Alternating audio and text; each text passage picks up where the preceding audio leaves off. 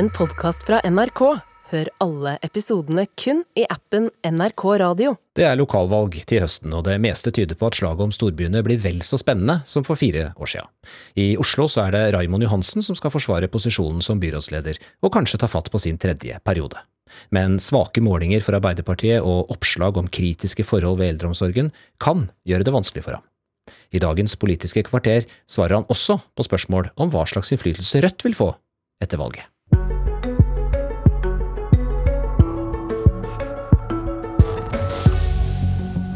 En by som mange vil bo i og besøke, men også kritikkverdige forhold i eldreomsorgen, eiendomsskatt, økte avgifter, et boligmarked som stenger mange ute. Vil Oslos innbyggere ha fire nye år med Raymond Johansen, og hvordan forklarer han selv de svake målingene for Arbeiderpartiet? Velkommen til Politisk kvarter, Raimond Johansen. I helga er det representantskapsmøte i Oslo Arbeiderparti.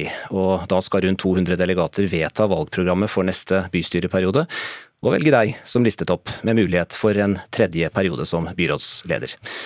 Hvorfor skal velgerne gi deg enda en sjanse?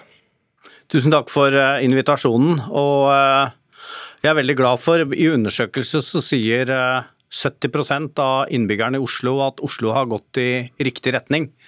Men politikk handler jo aldri om fortida, det handler alltid om framtida. Og vi har store utfordringer i Oslo.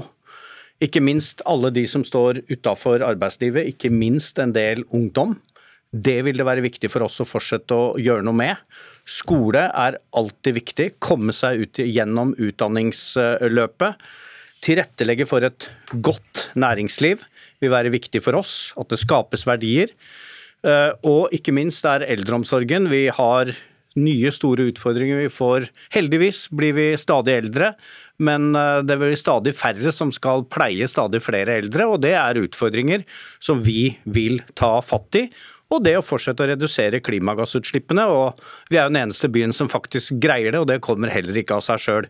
Så vi er ivrige etter å fortsette, sjøl om vi nå snart har styrt i åtte år. Du nevner eh, eldreomsorgen. I 2015 ble du byrådsleder for første gang med et eh, uvanlig valgløfte. Inntil 3 milliarder kroner skulle hentes inn i en ny eiendomsskatt, og vi skal høre hva planen din var den gangen.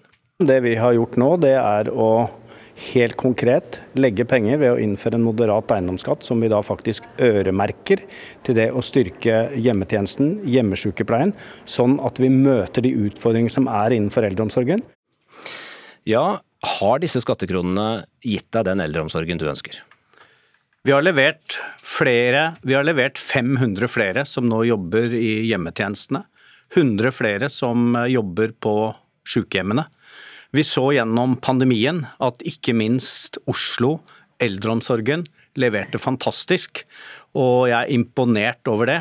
Men så betyr det jo ikke at eldreomsorgen ikke også har store utfordringer, hvilket også NRK har satt fokus og søkelyset på de siste dagene. Ja, for Statsforvalteren har varsla tilsyn med Ullern helsehus etter påstander om omsorgssvikt, og denne uka måtte også hjemmetjenesten i bydel Alna slå fast at tilbudet som ble gitt ikke var godt nok. Det skjedde etter at NRK gjorde skjulte opptak hjemme hos 90 år gamle Lilly på Furuset, og de opptakene viser at hun verken får i seg nok mat eller medisiner.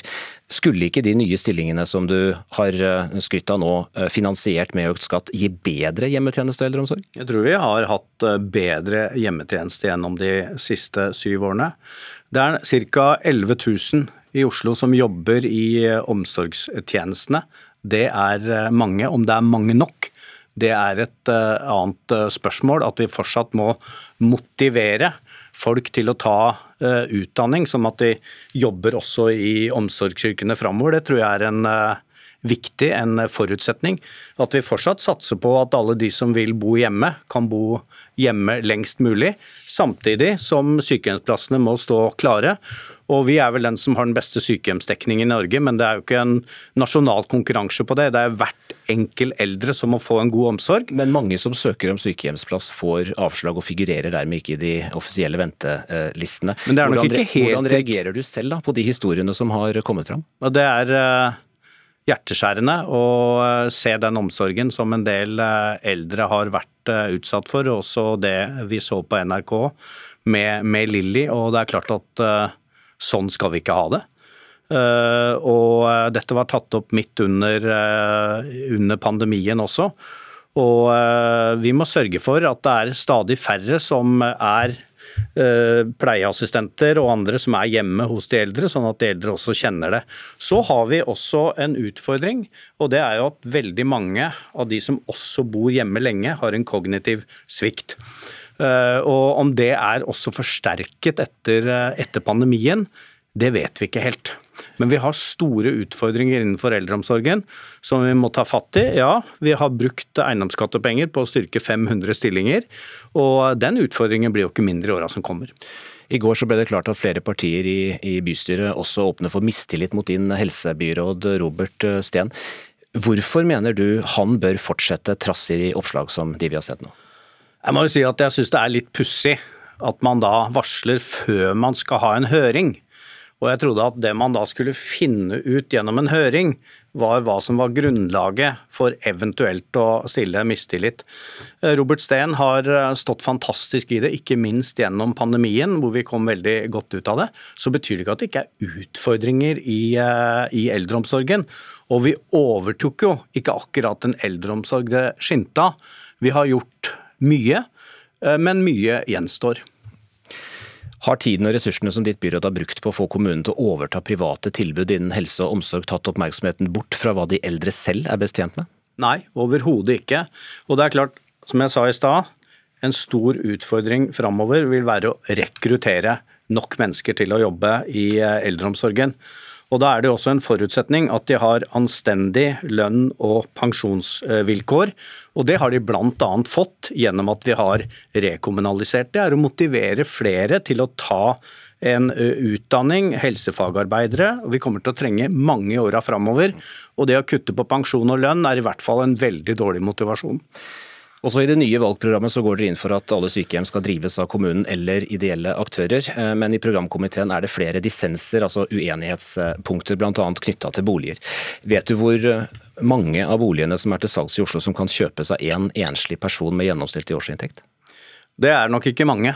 Uh, boligprisene har er ifølge sykepleierindeksen, ja. nettopp sykepleierindeksen mm. som Eiendom Norge uh, utarbeider. og Indeksen har falt fra at man kunne kjøpe 13 av 100 boliger i 2013 til under 2 av 100 i 2022. Hvorfor går utviklingen i feil retning på din vakt? Ja, altså I løpet av de ti siste årene så har boligprisen i Oslo økt med 100% og Det er et sammensatt, sammensatte årsaker til det. Og eh, det fins ingen quick fix, eh, men vi har utprøvd flere ulike modeller, ikke minst for å få unge inn på boligmarkedet. Og det er det en del av de utfordringene vi kommer til å ta eh, fortsette å ta, f.eks. det fra leie til eie. Godt og tett samarbeid med Obos, vi har opprettet et eget selskap. Men som sagt, det finnes ingen quick fix, for her er det markedet som eh, i veldig stor grad styrer. Her har mange investert alle pengene sine i bolig, og den eneste gangen du ønsker å ha lave boligpriser, er jo når du kjøper. Og når du ser en verdistigning, så ringer du til banken og ønsker å få satt ned renta di. Så uh, her er det eh, Dette skal jeg innrømme er ingen enkel ting, og heller ikke det å tilrettelegge for nye arealer i en by som vokser, hvor også konfliktene knytta til hva som etableres på de ulike stedene, er selvfølgelig stor. Enkel ting, enkle ting er det heller ikke i Arbeiderpartiet om dagen. Du skrev en kronikk i nyttårshelgen eh, om at 2022 eh, var et traurig år for eh, Ap. Helt kort, hva er grunnen til at så mange velgere har vendt Arbeiderpartiet ryggen på riksplan? Nei, og De har jo vendt ryggen også på kommuneplan. og Det er stemningsrapporter om at velgerne ikke er fornøyd. og Det er jo en evig kamp om både velgernes gunst og å ha et positivt bilde for framtida. Og det er klart at etter to år med pandemi, det er krig, det er dyrtid. Og det å greie å etablere og få et tydelig positivt syn på framtida er, er jo en kjempeutfordring med økte strømpriser, matvarepriser, økte renter osv. Å stå i det er selvfølgelig eh, selvfølgelig krevende. Nye medlemstall kom jo også forleden. Oslo Ap hadde 182 færre medlemmer i 2022 enn året før, men Nidaros, da, som ledes av Trond Giske, et lokallag i Trondheim, hadde en vekst på 2647 medlemmer i samme periode.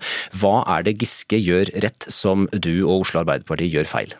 Jeg tror det er litt, eh, litt, ulikt. Eh, vi må kjempe for å få nye medlemmer, og ikke minst hindre at folk ikke betaler kontingenten sin. Så jeg har ringt rundt og forhåpentligvis lykka med at en del får nye medlemskapet sitt. og Trond har klart å få en del til å bli medlem i Nidaros, og forpliktelsen der er jo å møte opp på møter og diskutere, og det har han lykkes bra med så må jo vi lykkes enda bedre på å få, få, flere medlemmer. Men dette er jo tradisjonelt et kjempeproblem for alle partier, er jo at man har færre medlemmer, færre tillitsvalgte. og Det ser man ikke bare innenfor politikken, som også er store frivillige organisasjoner, men det ser man jo også uh, rund baut, og det er en uh, utfordring.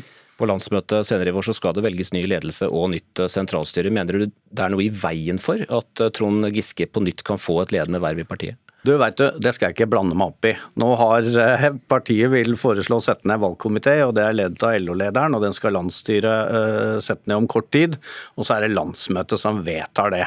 Uh, og Det tror jeg jeg skal forholde meg til. Det er både klokt og nødvendig å gjøre. Valgkomiteens leder sier det ikke, ikke har noen stengsler til noe medlem av partiet. så Da må jeg spørre deg også om Hadia Tajiks mulige plass i et sentralstyre f.eks.?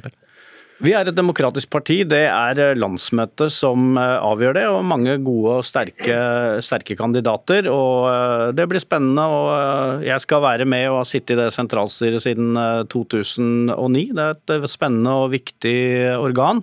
Men bottom line, det er politikken som teller. Om folk syns politikken er god nok, og at vi kommuniserer den godt nok. og Det er det vi hele tida må jobbe med. Det handler jo litt om navn også. Arbeiderpartiet har vært aktive på den politiske overgangsfronten i Oslo. Rødts tidligere listetopp Eivor Evenrud vil bli nominert på det som kalles sikker plass foran valget i høst. Men sjøl har du gått i clinch med eh, Rødt på eh, flere eh, områder, ikke minst i spørsmålet om våpen til Ukraina. Er du fortsatt innstilt på å gjøre opp budsjettet med Rødt i neste periode? Jeg vil si at uh, Ukraina-spørsmålet er et viktig verdispørsmål for meg. Det er et viktig demokratispørsmål, og kommunevalg og kommunestyrene er jo det ultimate uttrykk for demokratiet.